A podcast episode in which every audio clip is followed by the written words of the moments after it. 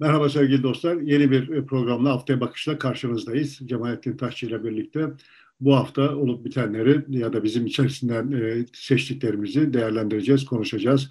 Öncelikle Kıbrıs'ta gerçekleşen bir suikast var. Halil Falyalı'nın öldürülmesi. E, bunun üzerine biraz duralım istiyoruz. Onun arkasından mecliste HDP milletvekili Oya Ersoy'un konuşmasına gelen tepkiler var. Onun konuşmasındaki gerici değerlendirmesi var.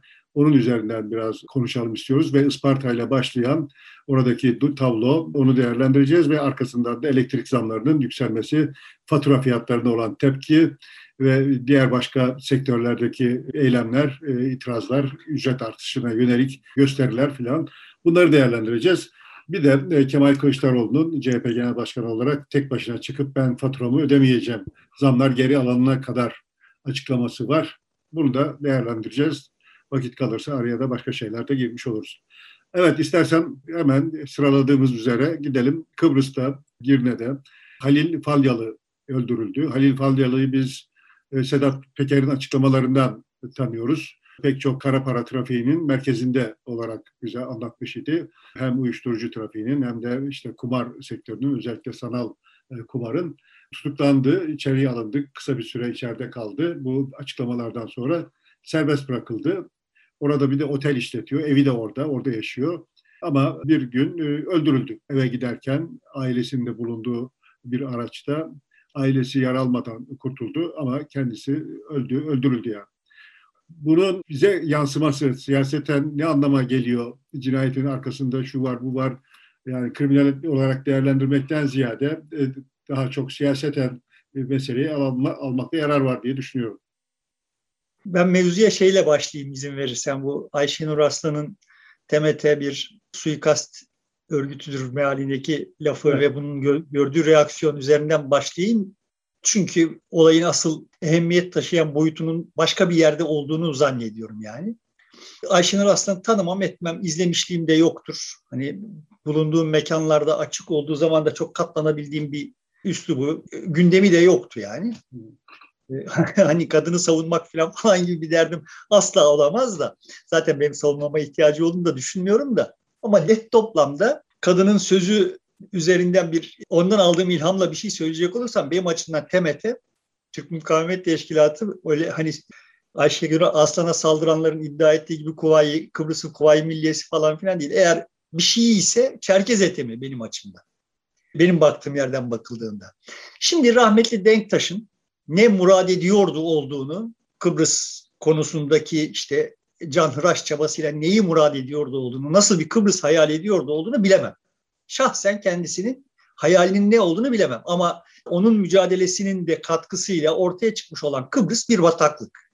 Benim buradan gördüğüm kadarıyla. Ve bu buranın böyle bir bataklık halinde olmuş olması, kalmış olması büyük ölçüde Denktaş'ın tercihlerinin ürünü olarak gerçekleşti. Denktaş'ın ve Denktaş'ı destekleyenlerin tercihlerin ürünü olarak gerçekleşti. Şimdi birileri bu TMT'yi Kuvayi Milliye ile eşleyerek işte Denktaş'a, Kıbrıs'a vesaire filan falan ama orada Enosis şunları yapmıştı Türklere falan gibi haklı gerekçeleri arka arkaya dizip üstüne şimdiki durumu olumlayacak şekilde konuştukları zaman Türkiye'nin, dünyanın aslında genel gidişatı hakkında yeterince ipucu sahibi oluyoruz. Orada bir takım niyetler, takım çabalar vesaireler var ve bunların arkasında bunları tetikleyen karşıtların haksızlıkları üzerinden bir haklılık devşirilip ondan sonra bir şey meşrulaştırılıyor. Kıbrıs sadece Kıbrıs'ta yaşayan Türkler için değil şu anda Türkiye'deki Türkler için de ve bütün dünya içinde ciddi bir biçimsizlik içeriyor olan bir yer. Ve Falyalı bu hikayenin yani Kıbrıs'ın mevcut biçimsizliğinin en sembolik aktörü olarak görünüyor. Görünen o ki adam yükselirken çok kısa süre içinde yükselirken önü açılmış, önündeki dikenler temizlenmiş birileri tarafından. Falyalı bir hale getirilmiş ve işte sonrasında da sen ailesiyle aynı araçta dedin ama benim bildiğim kadarıyla ailesi zırhlı araçtayken, kendisi zırh, zırhlı olmayan bir araçtayken. İki ayrı kendisi, araçtalar, doğru, doğru. iki ayrı araçtalar. Ve yani adam sürekli zırhlı araçla hareket halindeyken o gece nedense zırhlı olmayan bir araca binmiş iken ve bindirilmiş yani o, o da görünüyor. Neden buna razı olmuş filan bir şey olmuş. İçeriden bir, bir şeyler sızdırılarak çok profesyonel, çok planlı bir suikaste kurban gidiyor yani. İşin birinci boyutu bu Kıbrıs boyutu. Bunun ciddi bir biçimde tartışılması gerektiğini düşünüyorum. Neden Kıbrıs bu halde? Neden bu halde tutuluyor? Kimler tarafından bu halde tutuluyor? Şimdi kimler tarafından bu halde tutuluyor olduğunu filan bu Ayşegül Aslan programının arkasından sosyal medyada yapılan tartışmalarla çok güzel gördük yani. Çok vatansever, çok milliyetçi vesaire falan olanlar görünüyorlar ki bize çok vatanseverlik satıyor olanlar görülüyorlar ki orada tiksinti verici şeylerin yapılıyor olduğu bir vatanı müdafaa ediyorlar bize yani. İşte o bir vatan diye müdafaa ediyorlar yani. Yani orada işte görünüyor ki dünya çapında aslında bir kara delik yaratılmış. Sadece Kıbrıs'ta ve Türkiye'nin arka bahçesi olarak değil yani. Yani Venezuela'dan Belçika'ya, işte Hollanda'ya, Amerika'ya, Balkanlara vesaireye filan falan birbiriyle bağlantılı olan çirkinliklerin ana düğümlerinden bir tanesi olarak temayüz etmiş. Denktaş bunu mu murad ediyordu? Zannetmiyorum. Bilmiyorum yani adam tanı, tanım et, ettiğim yok. Ama yaptığı iş bu kardeşim yani. Yani sonuçta Denktaş'ın politikalarının sonunda ortak ortaya çıkmış olan şey bu. Sen bir şeyleri çok şöyle şöyle hayal etmiş olabilirsin ama birileri senin yaptığını bu şekilde kullanıyor ise de ama Denktaş zamanında e, böyle kara para atlanan ya da uyuşturucu ya da kumar merkezi değildi. E, daha çok da e, üniversite merkezi olmaya yönelmiş idi. Bölgeden, diğer ülkelerden de öğrencilerin geldiği birkaç üniversite kuruldu orada. Ondan sonra Denktaş'ın dönemi sona erdikten sonra bu karanlık işler orada yoğunlaştı. Tam onu demek istiyorum. Sonuçta sen çok halis niyetlerle vesaire falan böyle bir takım tasarımlar yapabilirsin. Ama senin yaptığın tasarımı birileri başka türlü böyle kullanabiliyor ise yanlış bir tasarım yapmışsın demektir yani. Sonuçta sen orada işte Amerika'nın e, ya da dünyanın tanımadığı ve kimse kimsenin tanımadığı, senin kimseyi tanımadığın tuhaf bir bir şey yapmışsan onu işte biçimsiz niyetleri olan insanlar pekala kullanabilirler. Ve Kıbrıs'ın gide gide geldiği hal bu. Evet, Elimizdeki yani Kıbrıs. Bir kumarhane merkezine dönüştü. E, yani o üniversite e, gençliğinin barındığı yer olmaktan çıktı. En azından dıştan görünen şekliyle kumarhane merkezi. E, Türkiye'den de başka yerlerden de pek çok insan geliyor. Orada otellerde kalıyor. Kumar oynuyorlar ve dönüyorlar. Şimdi de sanal kumar galiba ön plana çıkmış. Orada ben de bir iki defa gittiğimde o otelleri bizzat gördüm kumar oynanan yerleri. Ya sadece kumar ve sanal bahis meselesi de değil. Yani uyuşturucu, kara para aklama vesaire filan falan. Sonuçta bunların hepsi arka arkaya Kıbrıs'a binmiş durumda ve evet Türkiye'deki bu konuda ne varsa Kıbrıs'ta bir biçimde bağlantısı var. Bu hale geldi. Yeni gelmedi yani. Bu kademe kademe kademe kademe geldi. Ve bize vatanseverlik satıyor olanların aslında iştigal alanları bunlar yani. Birinci husus bu. Yani sonuçta bunun önümüzdeki dönemde daha da baş ağrıtacak şekilde gelişme ihtimalinde olduğuna işaret edeyim. İkinci husus bu Sedat Peker mevzu. Yani Sedat Peker e, Falyalı'yı Türk kamuoyuyla tanıştırdı ya bak burada böyle bir adam var falan filan diye ve ama bize bu işin arka planı hakkında işte böyle çok kapsamlı işte Kıbrıs'ın bu anlamdaki rolü hakkında filan falan muhtemelen biliyor olduğu bir şeyi şey paylaşmadı bizimle. Bize bize böyle çok esrarengiz bir takım bilgilermiş gibi bir takım şeyler arka arkaya sıraladı ve kimleri zikrediyor ise bunlar sıra sıra gidiyorlar yani. Değindiği her konu gündeme geliyor. Bir şey oluyor. Evet. Sistemden çıkıyor. Sistem dışına çıkıyor. Öyle diyelim. Evet. Dolayısıyla şimdi bu böyle bakıldığında sanki hani bende şu intiba oluşmaya başladı. sanki birileri bir yerlerde bir plan, bir dizayn yapmışlar. Sedat Peker de bu işin içinde kendi üstüne düşen rolü oynamaya, kendisini bir defa daha kullandırmaya razı gelmiş ve işte üste düşen tamamladığında da susturulmaya da razı gelmiş gibi bir intiba oluşmaya başladı bende. Yani şöyle bir kanaat vardı zaten Sedat Peker konuşurken. Türkiye'de devlet içerisinden bir kanattan bilgi aldığı anlaşılıyor. Onlarla irtibatlı şekilde konuşuyor e, izlenimi vardı. E, bu değerlendirmelerde yapılmış idi. Çünkü biz de yaptık. E, biz de yaptık. Ulaşılamayacak bilgiler, akılda hafızada tutulamayacak bilgiler ona bir şekilde e, veriliyor idi, ulaştırılıyordu. E, olayı hatırlarsınız ama o kadar ayrıntılı detaylı bilgi hatırlamanız ancak birileri e, evrağa bakarsanız ya da dosyaya hakim olursanız yapabilirsiniz. Belli ki e, bir bilgi sızdırıldığı açık. Dediğin gibi sistematik olarak konuştuğu isimlerin pek çoğu devre dışı kaldılar. E, eski fonksiyonlarını yerine getiremez oldu. Kimisi öldü, Falyalı'da olduğu gibi. Bu açık zaten. Yani biz buradan da hareketle sanki siyasetin içerisinde devlete de yansımış olan bazı unsurların bir hesaplaşma içerisinde, birbirleriyle bir hesaplaşma içerisinde olduklarını anlıyoruz. Sedat Peker de bu hesaplaşmanın bir parçası olarak bazı şeyleri açık etmiş oldu. Böyle bir tablo çıkıyor karşımıza. Yani sonuçta buradan şuraya varmak istiyorum. Hani ben bu tür insanları tanımam, bu tür mekanizmaları tanımam, bilmem, etmem. İşte böyle hani filmlerde anlatılanlarla bunları anlamış olduğumu zannetmek gibi bir gaflete düşmeyecek olursa elimdeki şey şu yani sonuçta networkler hakkında bir bilgi sahibiyim kabaca. Bu bilgi, bilgiye yaslanarak şunu söyleyebilirim. Evet bu, bu bütün dünyayı ağ gibi saran böyle bir network var. Bu network'ün işte Falyalı gibi oyuncuları var, Sedat Peker gibi oyuncuları var ve ama işte devletin içinde bürokrat e, her devletin içinde muhtelif bürokratlar, muhtelif siyasetçiler vesaireler filan falan da ihtiva ediyor sonuçta bu network.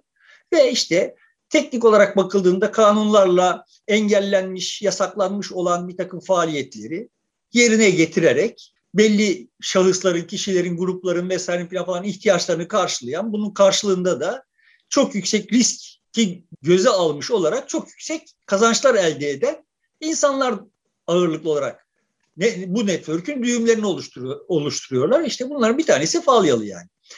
Dolayısıyla bu, bu networkler, bu tür networkler genel olarak da böyle hiyerarşik olarak yani yukarıda bir planlayıcı, bir tasarlayıcı olmadan hemen hemen bütün oyuncular, aktörler kendi kapasiteleri kadar ağırlık taşıyarak yani bir tür web gibi yani internet gibi sonuçta çok büyük düğümlerin yanı sıra yine e, onunla kıyaslanmayacak kadar küçük düğümlerin de yer aldığı ama sonuçta bunların hepsinin aynı düzlemde yer aldığı bir network. Bu suç ağı bunun buna ihtiyaç var mı dünyada bir takım şartları dönmesi için var yani. Çünkü dünyada birileri uyuşturucu talep ediyor, birileri işte kadın talep ediyor, ötekiler kumar oynamak istiyor vesaire filan falan. Şimdi yasal olmayan bir dünya dünya tarihi boyunca hep oldu ve e, burası hep riskli bir alan oldu. Burada hep birileri birbirleriyle danıştı, dayanıştılar, başkalarıyla itiştiler vesaire. Böyle bir hal var oyunun içinde. Dolayısıyla şimdi Falyalı gibi birisinin öldürülmüş olması ve bu kadar profesyonelce öldürülmüş olması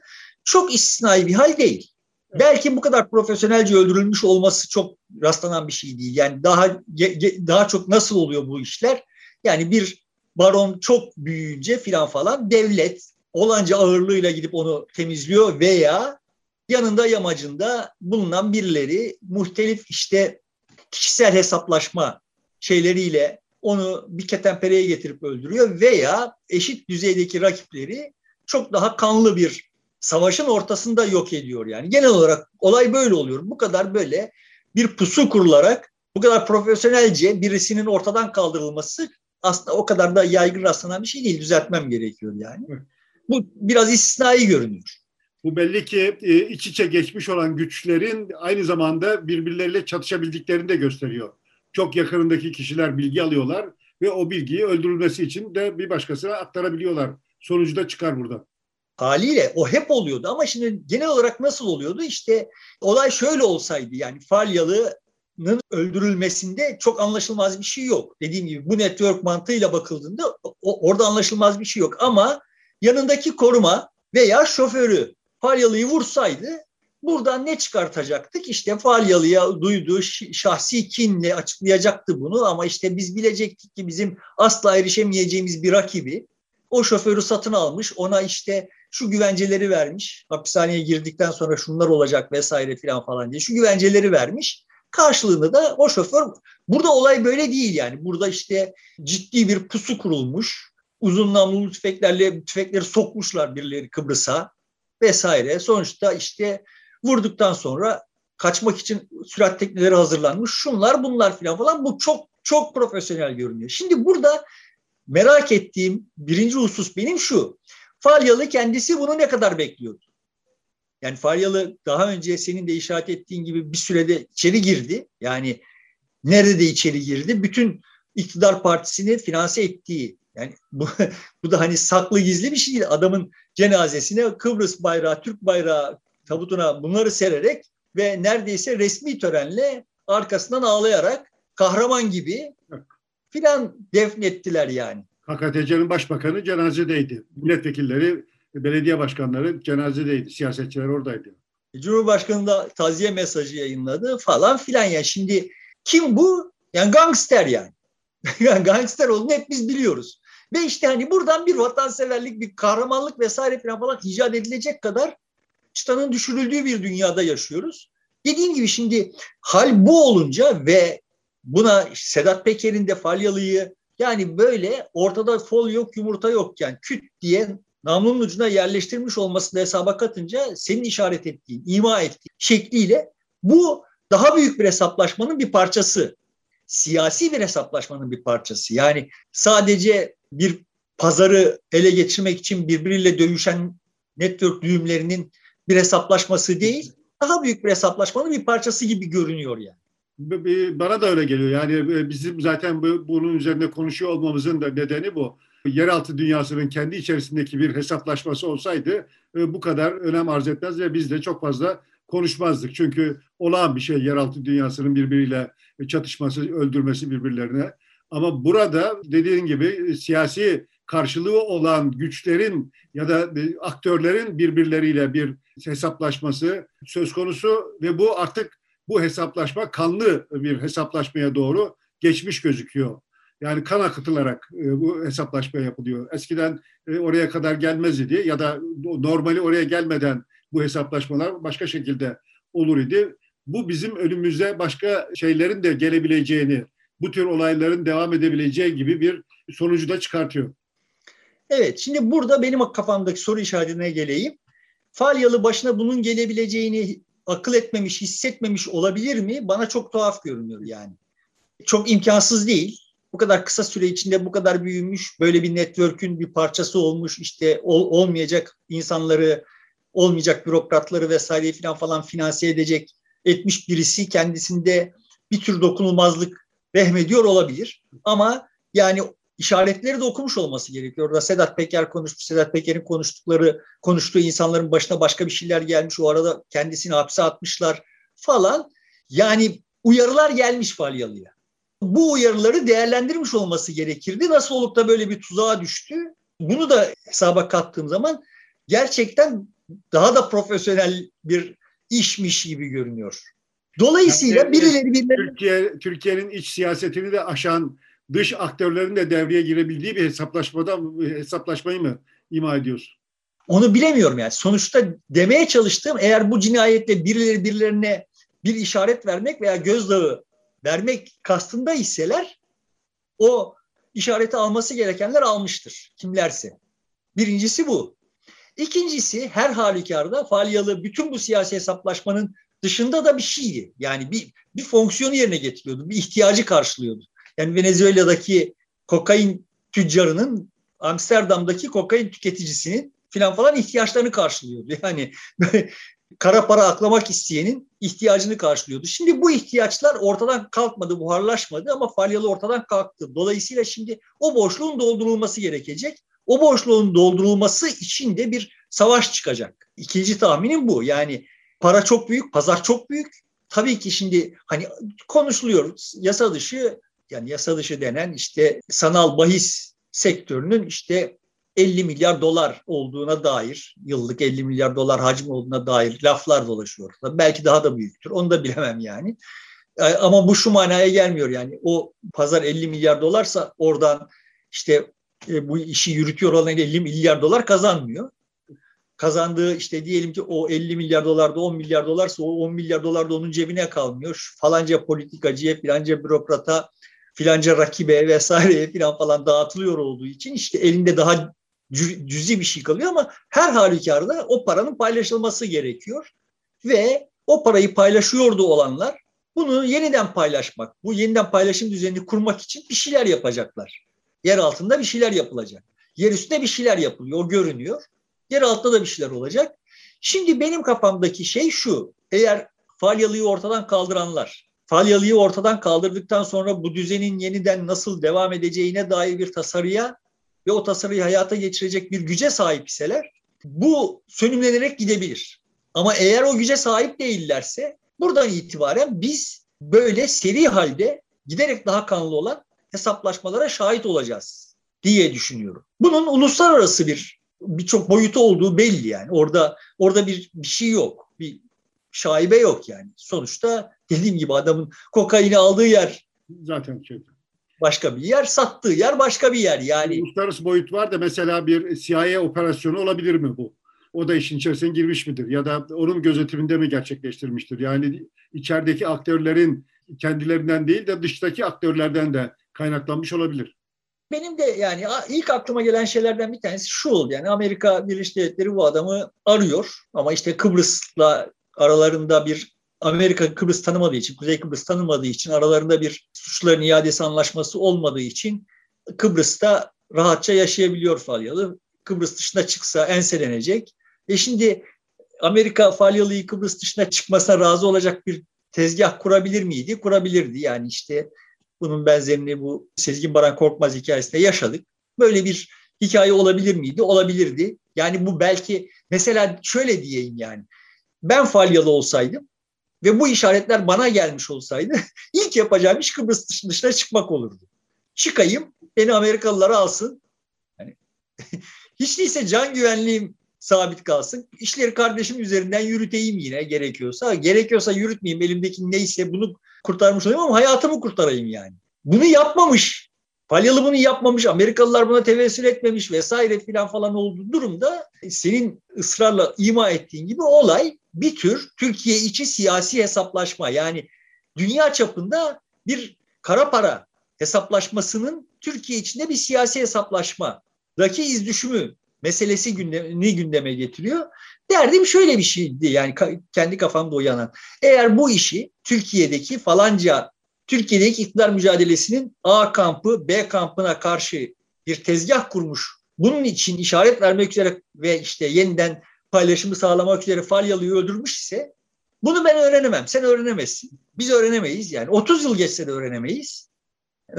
Ömer Lütfü Topal'ı kimin öldürdüğünü ve bunun hangi mekanizmalar, kimin öldürdüğünü biliyoruz galiba da hangi mekanizmaların çerçevesinde, hangi siyasi hesaplaşmaların ürünü olduğunu, devletin hangi, devlet dediğimiz o abuk yapının hangi kanadının hangi kanadını hesaplaşmaya davet etmek için yaptığını falan falan hala bilmiyoruz yani. Bunu da hiç öğrenemeyiz. Ama bunu yapıyor olanlar bilirler. Yani A kanadı B, B kanadına karşı bunu yapmış ise B kanadı bunu yapan A kanadı olduğunu bilir. Ama eğer bunu mesela Amerikalılar yaptıysa olay şöyle gelişir yani. A kanadı bunu B kanadının yaptığını düşünür. B kanadı C kanadının yaptığını düşünür. Herkes herkesten korkmaya başlar. Evet. o zaman çok kaotik bir tablo ortaya çıkar. Şimdi hani Amerikalılar Türkiye'de bir şeyleri taşları yeniden oynatmak istiyor iseler böyle bir şey yapabilirler diye düşündüm. Yani kimsenin te- tespit edemeyeceği, kimsenin teşhis edemeyeceği bir oyuncu olarak birileri bunu yaptıysa o zaman zaten başımız fena halde derde girecek demektir. Hani Falyalı cinayetiyle ilgili benim söyleyebileceğim, benim kafamda oluşan soru işaretleri, eserler falan bunlar yani. Bunun dışında kalanı artık uzmanlık gerektiriyor olan evet, şeylerden. Muhtemelen işte bazı isimler yakalanıyor, yakalanıyor şimdi bazı isimler. Onlardan birisinin üzerine de kalabilir ama bu bizi olayı anlamamıza yetmez. Arkasındaki oyuncunun esas gücün kim olduğunu e, öğrenmemiz biraz zaman alır ya da hiçbir zaman da öğrenemeyiz. Muhtemelen bu cinayet herhalde diğerlerini davet edecek gibi de gözüküyor. Burada sınırlı kalacakmış gibi de durmuyor. Yani iki sebeple işte dediğim gibi hani birincisi bu iş eğer devletin içindeki kamplar açısından baktığımızda olayın siyasi boyutları olduğu çok bariz görünüyor. Dediğim gibi hani Sedat Peker rolü yüzünden de görünüyor vesaire. Sonuçta şimdi bu devletin içindeki kampların bir hesaplaşması ise yani evet orada bir e, bu hesaplaşma sürebilir ama orada bir mütareke de olabilir. Yani o ben öyle hissediyorum diyeyim. Ama mütareke, pazar çok mütareke olması için bir iki çatışmanın daha olması gerekiyor ki mütareke olsun. Yani bunu bu hamleyi yapanın da karşı taraftan bir hedef olarak vurulması gerekiyor buradan da birisinin. Ondan sonra bir olsun. Yani şimdi e, dediğim gibi hani bu işte bu işin networkler şeyinden bakıldığında gereğinden fazla büyümüş. Herkes için yani onu finanse ediyor olanlar için de sıkıntı verici bir şey haline gelmiş de olabilir Falyalı. Ha, daha fazla gitmeyelim, dengeyi bozmayalım da denebilir. Doğru. Evet, yani sonuçta herkes ferahlatacak. Yani Falyalı'nın işine yaradığı insan e, tarafların hepsinin hoşuna gidecek, onları ferahlatacak, rahatlatacak bir kayıp olabilir bu. Burada tabii soru işaretlerinden bir tanesi şu yani Falyalı'nın elinde bir takım kayıtlar olduğunu biliyoruz. İnsanların başını derde sokacak kayıtlar olduğunu biliyoruz. Bunları da bu mekanizmaları da çok iyi bilmiyorum. Yani ben olsam onların yerine eğer beni temizlerseniz hepinizin başını belaya sokarım deyip onları ben öldükten sonra bağımsız bir takım gazetecilerin eline geçmesini sağlayacak şekilde günümüzde artık iyice kolay bu.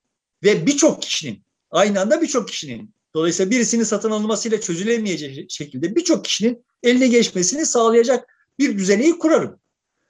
Yani bu insanlar niye bunları yapmıyorlar? Niye bu kadar kolay kendilerinin öldürülmesi, kendilerini yem haline getirecek şekilde davranır onları da bilmiyorum. Yani ben olsam diye akıl yürüttüğümde bana çok makul gelmiyor. Ama bir yerlerden bunlar sızarsa falan falan o zaman savaş çok başka boyutlara gidecektir. Savaşın o boyutu hakkında dediğim gibi hani çok öngörüde bulunamıyorum. Kimler kimlere hangi işareti vermeye çalışıyorları bilmediğim için. Ama aşağıda ciddi bir savaş çıkacaktır bu parayı paylaşmak için. Yani şunları unutmamak gerekiyor. Ömer Lütfü Topal hep bu cinayetle birlikte hatırlanan simetrik bir şey. Yani Ömer Lütfü Topal bütün e, servetini, öldüğünde sahip olduğu servetin tamamını 2-3 yıl içinde yapmıştı. Falyalı bundan 15 yıl önce esamesi okunmayan bir adamdı.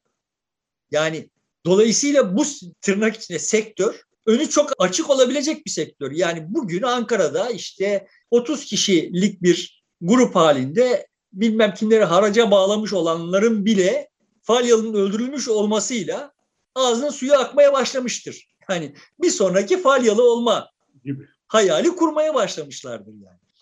Dolayısıyla bunların arasındaki çatışmayı önlemenin yolu olduğunu zannetmiyorum. Orada orada kanlı bir süreç başlayacaktır diye tahmin ediyorum. Ama bunun siyasi boyutunun, siyasi düzlemdeki boyutunda ne olur onu kestiremiyorum yani. Evet onu bekleyerek ancak e, anlayabiliriz. Göre gelişmeleri yakından takip ederek. Ama işin içerisine yeniden silahın girdiğini ve e, konuşarak, uzlaşarak meselelerin hallolmadığı bir boyuta ulaşıldığını anlıyoruz. Sorun silahla çözülür e, noktaya gelmiş. Bu da aslında gerginliğin ne kadar arttığını, güçlerin neyi göz aldığını bize gösteriyor.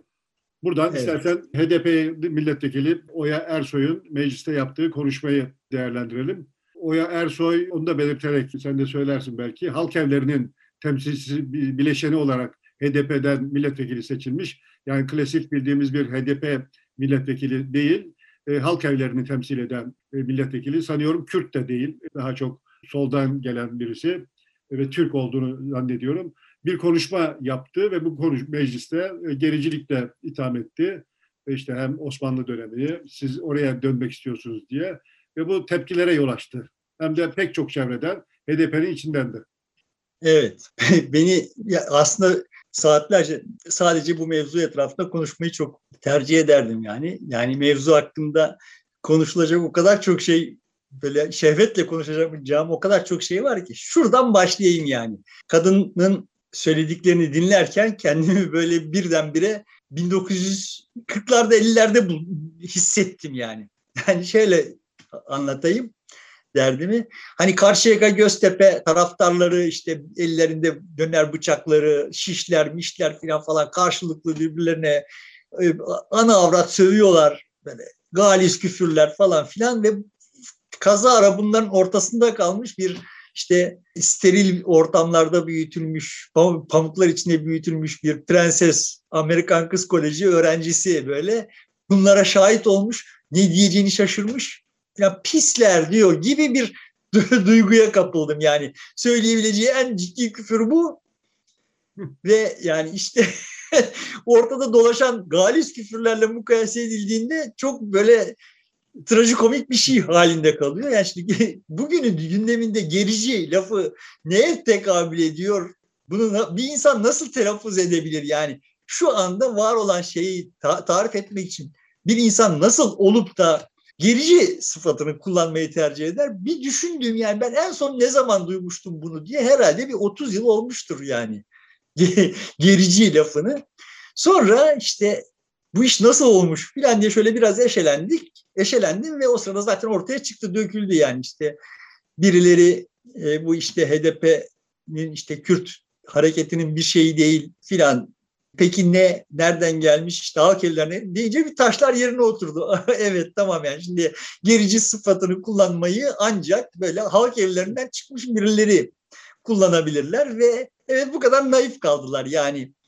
Zaten e, naif. Yani 40'lar dediğin, 45'ler, 70'ler dediğin hava zaten halk evleri de 40'ların daha çok 30'ların sonunda başlayıp 40'ların işte 50'lerin ortasında var olan 70'lerde yeniden diriltilmek için çaba harcanan bir şeydi. Yani işte tam Amerikan psikoloji mantığıyla bir yani Amerikan psikolojini hafif almak için söylüyorum. Hani böyle Amerikan psikoloji imajı ne yani işte böyle hani evlerde el bebek gül bebek büyütülmüş kız çocuklarının steril ortamlar olsun diye gönderildikleri bir yer olarak yani ve öyle steril bir ortamda yetişmiş olması gerekiyor insanın dünyayla bu kadar irtibatının kesik olması gerekiyor ki gerçeklikle bu ortamda bu lafı edebilsin diye düşündüm. Önce, önce bir buna işaret edeyim. Şimdi üzerine konuşulacak olayın içeriği de dahil olmak üzere bunun hakkında konuşulanlar hakkında falan falan böyle saatlerce konuşulabilir dediğim gibi özetlemeye çalışayım.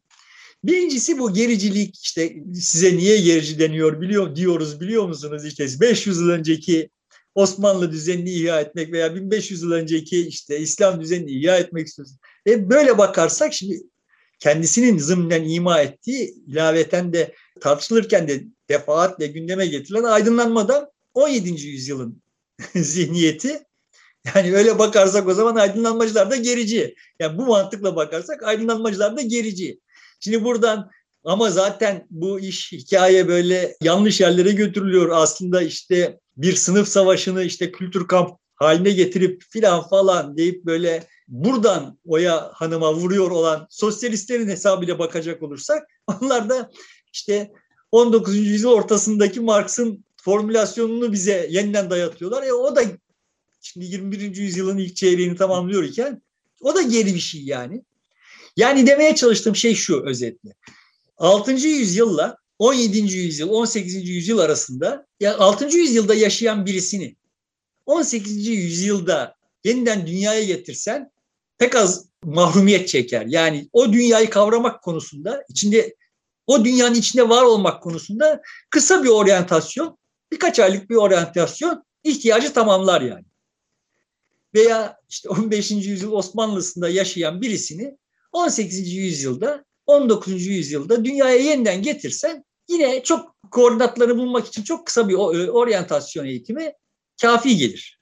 Bu kadar az fark var kardeşim. Yani sözünü ettiğiniz 5. yüzyılla 15. yüzyılla 18. yüzyıl arasında bu kadar az fark var. Ama 18. yüzyılda o aydınlanma çağın dediğiniz, çok kutsadığınız dönemde yaşayan birisini bugünün dünyasında dünyaya getirsen adam ölene kadar bugünkü dünyayı kavraya, kavrayabilmiş olamaz yani.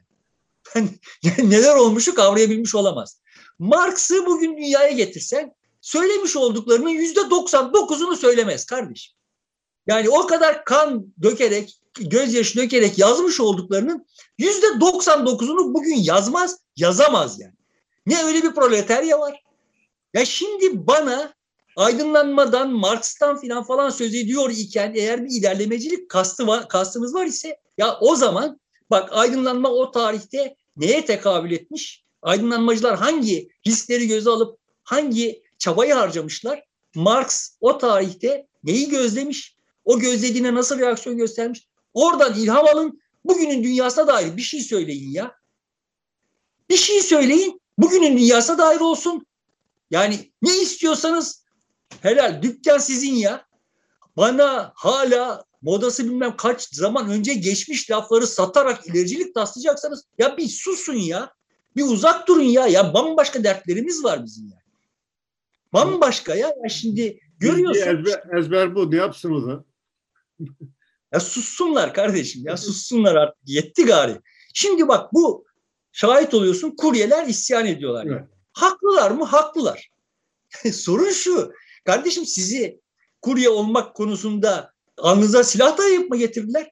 Siz olmasanız sizin yerinize orada olmak isteyecek on binlerce insan var.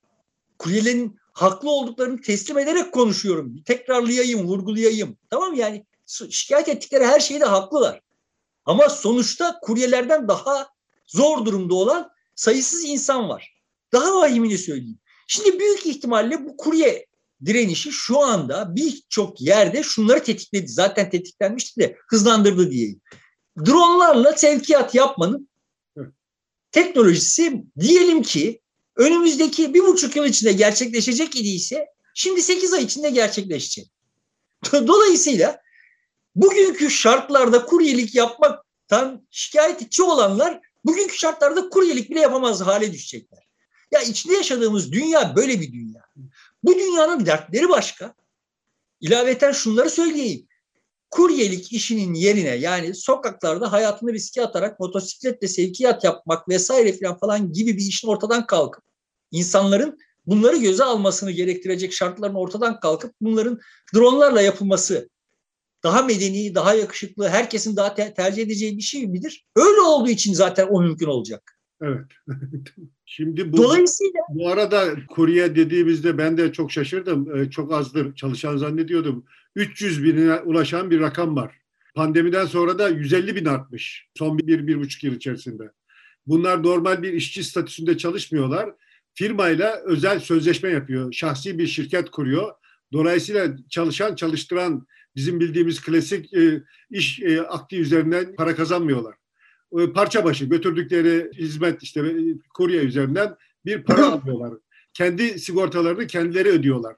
Kendi motor motorları kendileri alıyor. Hatta e, o firmanın giydikleri elbiselerin parasını bile kendileri ödüyorlar. Böyle bir anlaşma yapıyorlar. Dolayısıyla şimdi bir işçi gibi mücadele etmesi, bir sendika kurması da yasal olarak mümkün değil. Böyle de bir garip durum var. Uymuyor yani şeye, geçmişteki olan şeylere. Ya şu anlattığın şey bile son tahlilde bakacak olursa son 10 yılın işi. Yani 30 yıl önceden birisini boş ver 17. yüzyıldan 30 yıl önceden birisini getirsen ve bu hikayeyi anlatsan anlayamaz yani. yani bizi içinde yaşamış olmasak içinde yaşadığımız halde anlamakta zorlanıyoruz yani. ve tablo buyken bu kadar her şey alt üst olmuşken böyle 19. yüzyıldan 17. yüzyıldan filan falan ilhamlarla ahkam kesmenin hiçbir manası yok. İkinci işaret etmeye çalıştığım husus bu ya. Biraz kafa yorun ya. Yani nasıl bir dünyada yaşıyor olduğumuz konusunda biraz kafa yorun lütfedin ya. Kafa yormadan bu statüleri korumaya çalışmanızdan gına geldi ve bütün sistem bu yüzden inliyor yani. Tamam sıkıntımız bu. Şimdi gelelim bunlara bu hadiseye gösterilen reaksiyonların bir kısmına. Neymiş? Orada işte HDP'nin içinden de işte Gergerlioğlu vesaire falan. Ama bu Müslümanların hassasiyetleri. Ya kardeşim bu Müslüman kim? Hassasiyetine bir, bir, bir anlatın bize bilelim ya. Yani bu nasıl bir şey, şey ki bu böyle pamuk dokundurduğun zaman cildi inciniyor ya. Her şeyden bir inciniyor olan. Ya incin, incinecekse incinsin kardeşim. Biz durmadan muhtelif, anonim ve muhayyel öznelerin hassasiyetlerini gözete gözete ne diyeceğimizi şaşıracak bir dünyada mı yaşayacağız ya? Şimdi aynı sorun e, muhalefet partilerinde de var. İşte AK Parti'den uzaklaşan bir seçmen kitlesi var. E, bunlar muhafazakar. E, bunlar e, bize gelmiyor. E, bunların hassasiyetlerine uygun şekilde davranalım. E, özellikle CHP ve İyi Parti'de bu e, ön plana çıkmış durumda. E, dolayısıyla onları insan gibi günlük yaşayan, derdi olan birisi gibi davranmak yerine çok farklı birisi, özellikleri de normal insana benzemeyen kişiler. Dolayısıyla onların bu değerlerine, hassasiyetine, davr tavrına, edasına göre bir şey yapmayız, yapmamız lazım diyorlar. Ama bir şey de yapamıyorlar zaten. Ay böyle hassasiyet gözeterek hayatta kalınamaz ya. Yani bu kadar ben şunu söylersem şu alınacak, bunu söylersem bu alınacak, şurada nefes alırsam bu bunun e, oksijenini tüketeceğim filan falanlarla böyle bu, bu işin sonu yok ya. Kaldı ki şimdi evet bu bir takım e, yani bu memleketin Müslüman, inançlı, tırnak içinde yani Müslümanı çoktur, inançlısı çoktur ama hani daha dindar olan bir e, nüfusu vardır ve evet diğer nüfus gibi onların da kırmızı çizgilerine hassas kırmızı çizgileri konusunda hassas olmakta fayda vardır falan falan. Tamam yani ama yaşadığımız dönem şu dönem kardeşim bu diyelim ki 1990'larda önüne gelenin postalıyla üstüne bastığı bir takım kadınlar, başörtülü kadınlar ve işte onların eteğinin arka, altına saklanmış İslamcılar vardı. Tamam şimdi onların hassasiyetlerini gözetmek yani kudretin altında eziliyor olan insanların hassasiyetini göstermek konusunda bir hassasiyet göstermek anlaşılır bir şey. Ya kardeşim bak içinde yaşadığımız dönem şöyle bir dönem. Diyanet İşleri Başkanı garnizon ziyaret ediyor ve efendim işte sonuçta resmi bir tören gibi yani kıta denetliyor yani. Ya geldiğimiz Türkiye böyle bir Türkiye. Neyin Müslümanın hassasiyeti ya? Biraz da hassas olmayı versinler yani. Bunları yapacak kadar, bunları yapabilecek kadar malın sahibiler. Malın sahibine de biraz hop kardeşim biraz da bize ver deme lüksümüz olsun ya. Sonuçta temelde hani geçen sefer de konuştuk yani bir kere genel, geniş yığınların kendilerine muhafazakar denen geniş yığınların böyle hassasiyetler olduğunu falan falan hiç düşünmüyorum yani. Ama sen şimdi adamın aklına bu fikri sokuyorsun. Ha bakmadan hassas olman gerekir. Adem'le Havva'ya cahil denmesinden hassas olman gerekir. Sen sokuyorsun bu fikri adamın kafasına. Sen şimdi çıkıyorsun diyorsun ki işte efendime söyleyeyim gerici lafından sen alınacaksın. Sen söylemiş oluyorsun. Niye adam gerici lafından? Dolayısıyla şimdi işin bir e, başka boyutu buydu. Bu hassasiyet mevzu hakkında da hani günlerce konuşabilirim uzatmayayım. Üçüncü bir yani bu şimdi tam şey durumunun da bir göstergesi onu söyleyeyim ama. Herkes kumda oynuyor. Herkes kumda oynadığı için herkes memleketin bir kum havuzu olmasını istiyor. kum havuzunu havuzu yapmadığımız zaman memlekete biz açız kardeşim.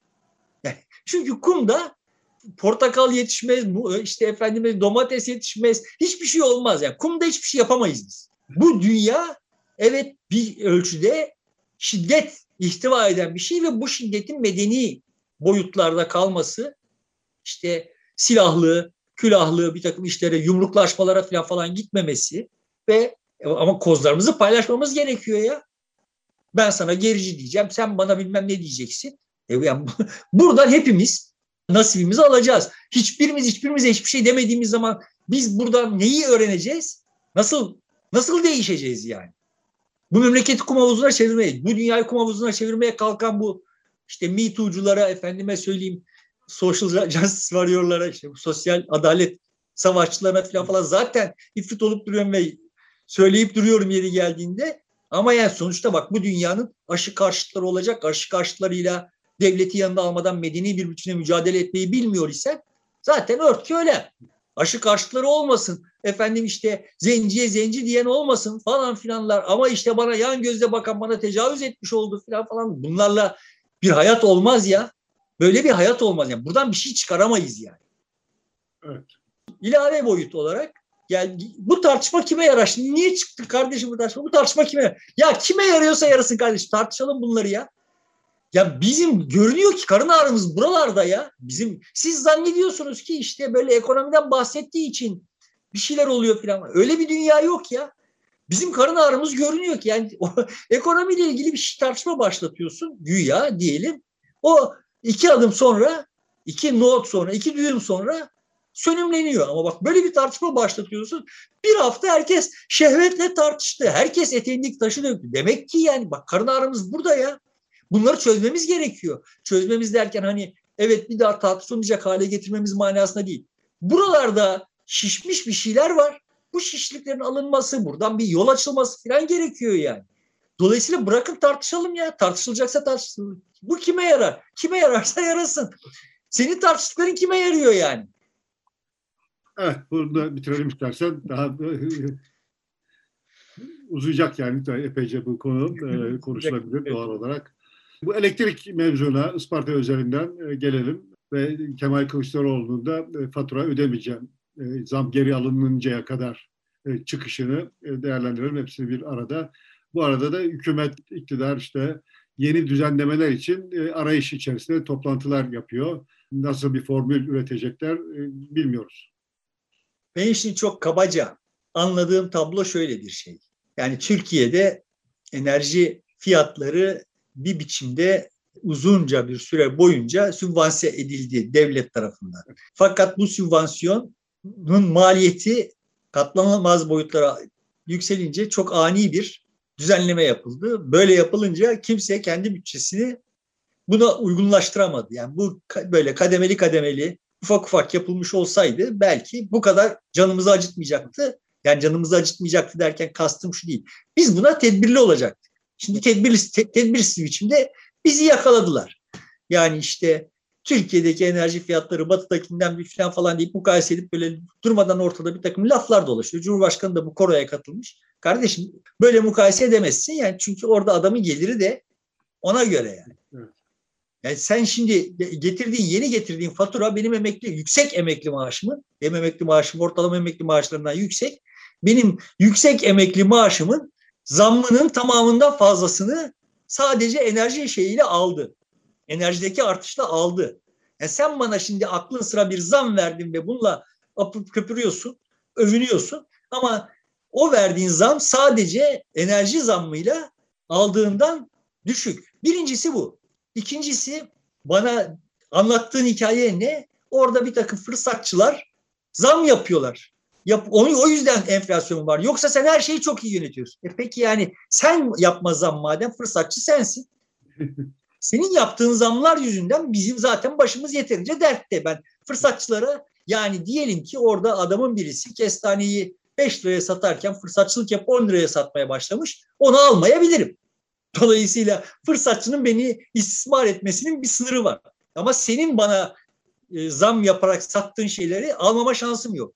Orada iktidar milletvekillerinden bir tanesi de buyurmuş. Demiş ki evde atletle dolaşmanız şart değil. Ben benim evde neyle gezeceğime sen mi karar vereceksin? Ya size oy verildi diye kardeşim ne nere, nerede duracaksınız? Neye karar verme yetkisinden vazgeçeceksiniz ya? Yani sana ne ya ben evde nasıl gezer, gezersem gezerim. Şimdi aklı evdeki enerji tüketimi herhalde toplam enerji tüketiminin en azındır. Ya ayrıca öyle olsun yani sana ne yani benim işaretim prensip düzleminde ya kardeşim çok aklınız varmış gibi bize akıl verip durmayın ya. İşinizi yapın ya. Yani yapmanız gerekiyordu olan zamları doğru düz zamanında yedire yedire yapmış olsaydınız bu kadar zamma ihtiyacınız olmayacaktı. Mercimek kadar beyninizle ve işte durmadan böyle elinizdeki gücü acayip kullanarak lüzumlu lüzumsuz işler işlediniz. Memleketi yönetemediniz. Getirdiğiniz hal bir bataklık. Şimdi çıkıp bana akıl veriyor adam yani. Ve o zaman benim bütün sigortalarım atıyor. Şimdi ondan sonra sen bana program yapalım diyorsun. Böyle tuhaf durumlar ortaya çıkıyor. Şimdi gelelim. Isparta'ya gelmeden önce bir kere tab tab birinci tablo buydu yani. Yani enerji meselesinin ana hali buydu.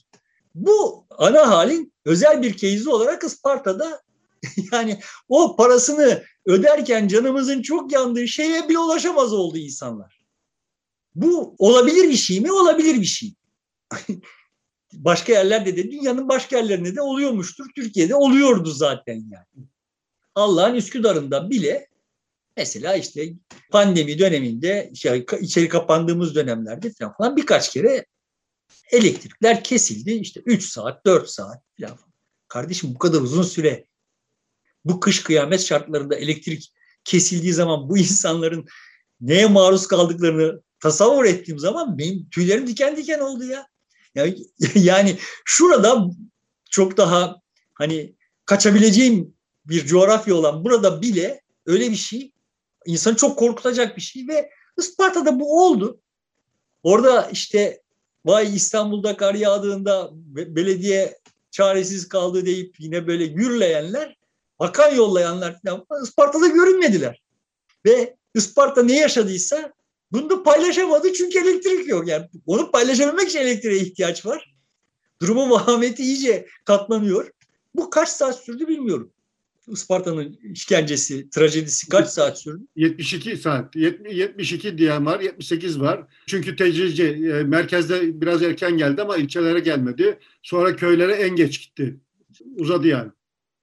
Ya bu tam bir trajedi ve hani sonradan bir, bu trajedinin çok köpüğü sayılabilecek birkaç tane paylaşım gördüm ama yani ben tasavvur edemedim yani işin akçasını söylemek gerekirse. Hele böyle küçük çocuğu olanlar, hastası olanlar falan falan.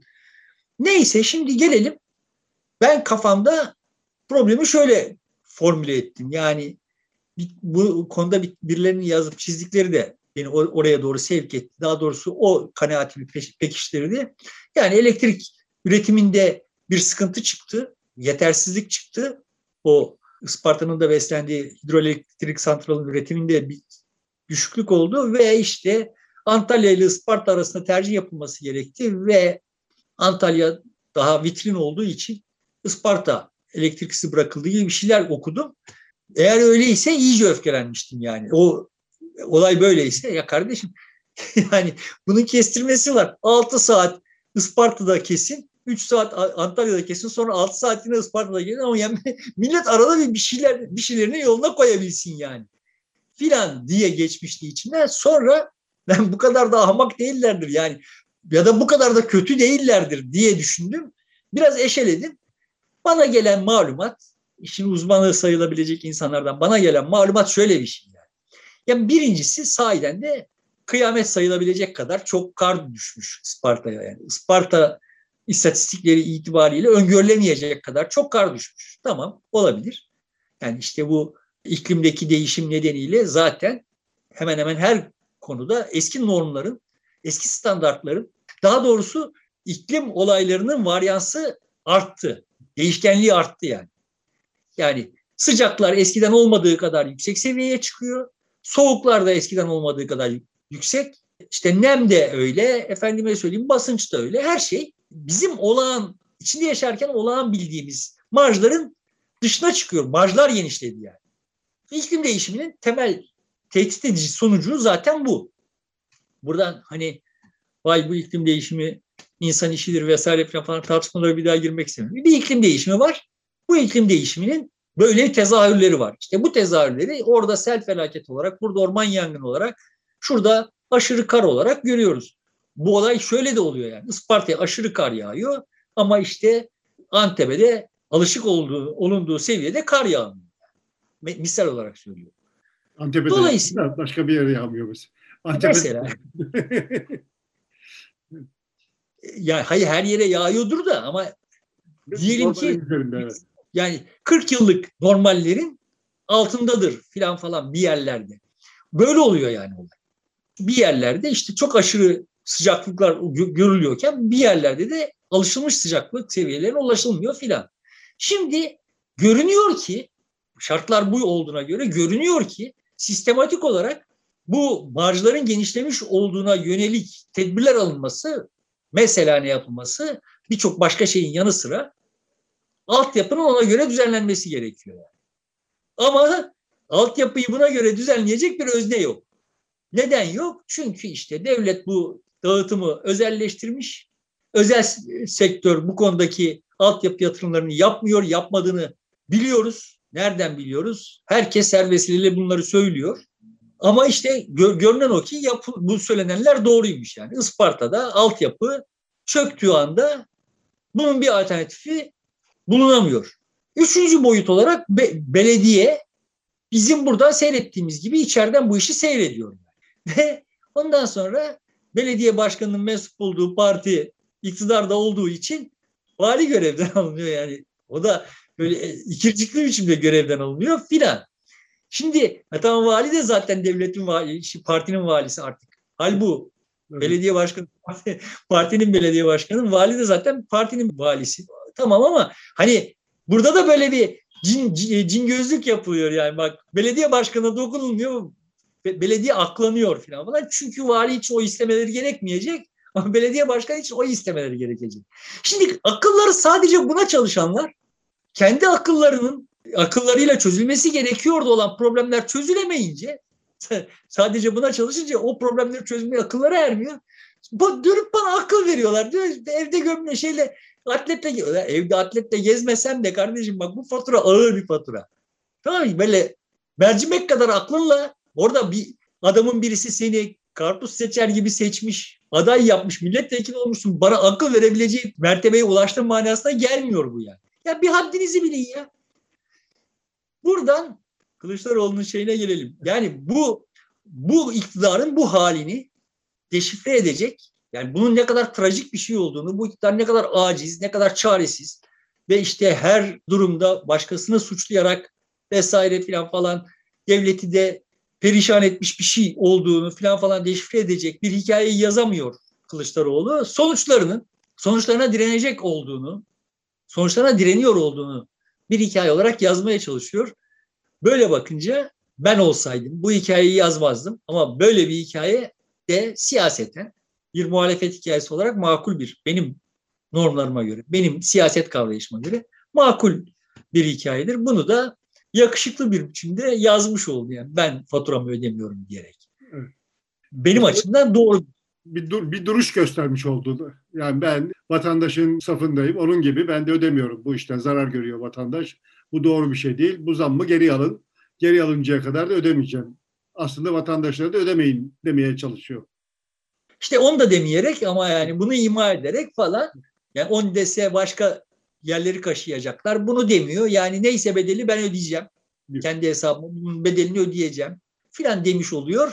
Yani bu şık bir hikaye ve buradan işte diyelim ki zamlar geri alınırsa bak işte ben söyledim aldılar muhalefet olarak üstümüze düşeni yaptık sizi kurtardık deme lüksüne sahip olacak. Bu o, o bu lükse sahip olmaz ya zamları geri almazlarsa milletin her fatura döneminde öfkesi artacak filan falan bu iş muhalefet stratejisi açısından yani evet muhalefetin zamanda yapması gereken bir şeydi. Yani ne bunu de, şunu demiş oluyorum. Kardeşim sen söyleyince bir şeyleri yapmış duruma gelecek olmaları muhalefetin muhalefet olarak işine yarayacaksa zamanında da yapsaydın bunları. Zamanında niye bizim başımıza şunlar gelirken sessiz kaldın? Derim ben de ama hani sonuçta bunu unutabilirim. Tabii. Son tahlilde son olmuş olanı hatırası daha canlı. Dolayısıyla şık bir hamleydi. Senin bu konudaki merakını da ben dillendireyim. Yani işte hani biz bu programın yayınlandığı saatlerde muhalefet ya da işte onun birkaç saat öncesinde muhalefet partileri bir araya gelmiş olacaklar. Diğerleri Ama de... Aynı saatte 7'de gelecekler. Ahlatlıbel'de bir araya gelecekler. Çankaya Belediyesi'nin Ankara'daki sosyal tesislerinde e, iş yemeği şeklinde akşam yemeği yiyecekler. Uzun bir yemek olacağı anlaşılıyor. İşte şimdi ötekiler de hani biz de ödemiyoruz faturamızı diyecekler mi demeyecekler mi? Evet. o da bir olayı başka bir boyuta taşıyabilir yani. Derlerse de derse de e, mesela birkaç eylemin içerisinde yer aldı. Fatura yakma eyleminin. E, dolayısıyla orada da bir reaksiyon var ama fatura ödememe şeklinde e, şu ana kadar ifade eden olmadı. HDP'liler sadece biz de bu ödememe şeyine katılıyoruz. benzer eylemler yaptılar. Açıklamalar yaptılar. Şimdi kusura bakmasın HDP'liler. HDP seçmen önemli bir zaten ödemiyorlar faturasını yani. Onlar zaten kaçak elektrik kullandıkları için. Öyle kaçak kullanılabiliyorsa ve bu göz yumulabiliyorsa demek ben, ki ödenmeme hali meşru bir haldir. Yani şimdi tam olarak yılını hatırlamam ama herhalde 4-5 yıl oldu. Nusaybin'de birileriyle sohbet ediyordum. Bir numaralı gündem maddeleri elektrik faturalarıydı. Çünkü hayatları boyunca elektrik faturası ödememişler. Bir, bir düzenleme gelmiş. Her nasıl olmuşsa artık kaçak elektrik kullanamaz duruma gelmişler. Ve kullanıyor oldukları elektrikten de anladığım kadarıyla geriye doğru yürütülmüş. Yani öyle öyle faturalar gelmiş ki işte bir otomobil parası, bir ev parası falan falan yani. Dolayısıyla hani HDP seçmen önemli bir bölümü uzun süre sahiden elektrik faturası ödemedi yani. Hani bu sadece ulusalcı, milliyetçi vesairelerin falan falan dedikodusu değil. Yani kendim de şahit oldum. Burada bitirelim istersen. Muhalefet partisinin kendi arasında ne konuşacağı, edeceği ortaya çıktığı zaman haftaya e, değerlendiririz. Oradan nasıl bir yol haritası çıkacak onu da görmüş oluruz. Bir ayrışmaya mı gider bu toplantılar yoksa daha bir kuvvetli bir bir birliğe mi gider? Diğer partiler de katılır mı? Bunlar da önümüzdeki süreçte daha da netleşmiş olur. Bu arada şunu söyleyeyim yani yanlış bilmiyorum değil mi? Bu hafta içinde Davutoğlu Bahçeli'yi doğrudan hedef alan bir video evet, bu hafta. yayınladı. Bu hafta için oldu. Saatini Akabinde, kur 18 diye önceden bir saatini kur 18 diye söyledi. Daha doğrusu geçen hafta sonu Bahçeli Kızılcamam'da toplanmış idi. Milletvekilleri ve merkez yöneticileri olarak üç günlük bir toplantıydı. O toplantının kapanışında pazar günü bir değerlendirme yaparken Davutoğlu'nu hedef aldı. E, Davutoğlu da aynı gün pazar günü akşam saat 18'de e, bekleyip e, randevu verdi ve orada konuşma yaptı. Bu saat 18'de bekleyin, işte saat 20'de bekleyin falan falan şeylerin de muhalefet Sedat Peker'den öğrendi yani. Demek ki öğrenebiliyormuş. Biraz gecikmeli olarak da olsa. Öğrenme kabiliyetleri varmış. Sezen Aksu'dan da bir şeyler öğrenebileceklerini ümit ederek şimdi şeye geleyim. Sonuçta bugün Türkiye'nin siyasi mimarisinde en önemli kilit taşlarından bir tanesi görünen o ki Bahçeli. Sizin kendisine verdiğiniz önem yüzünden ve onun sayesinde orada yani bu iktidarı bir iktidarı daha doğrusu görünen tarafı bu olan bir iktidarı ayakta tutuyor olan taş. Kamuoyu açısından bakıldığı zaman mevcut iktidarın bütün şimşeklerini üzerine çekebilecek bir paratoner.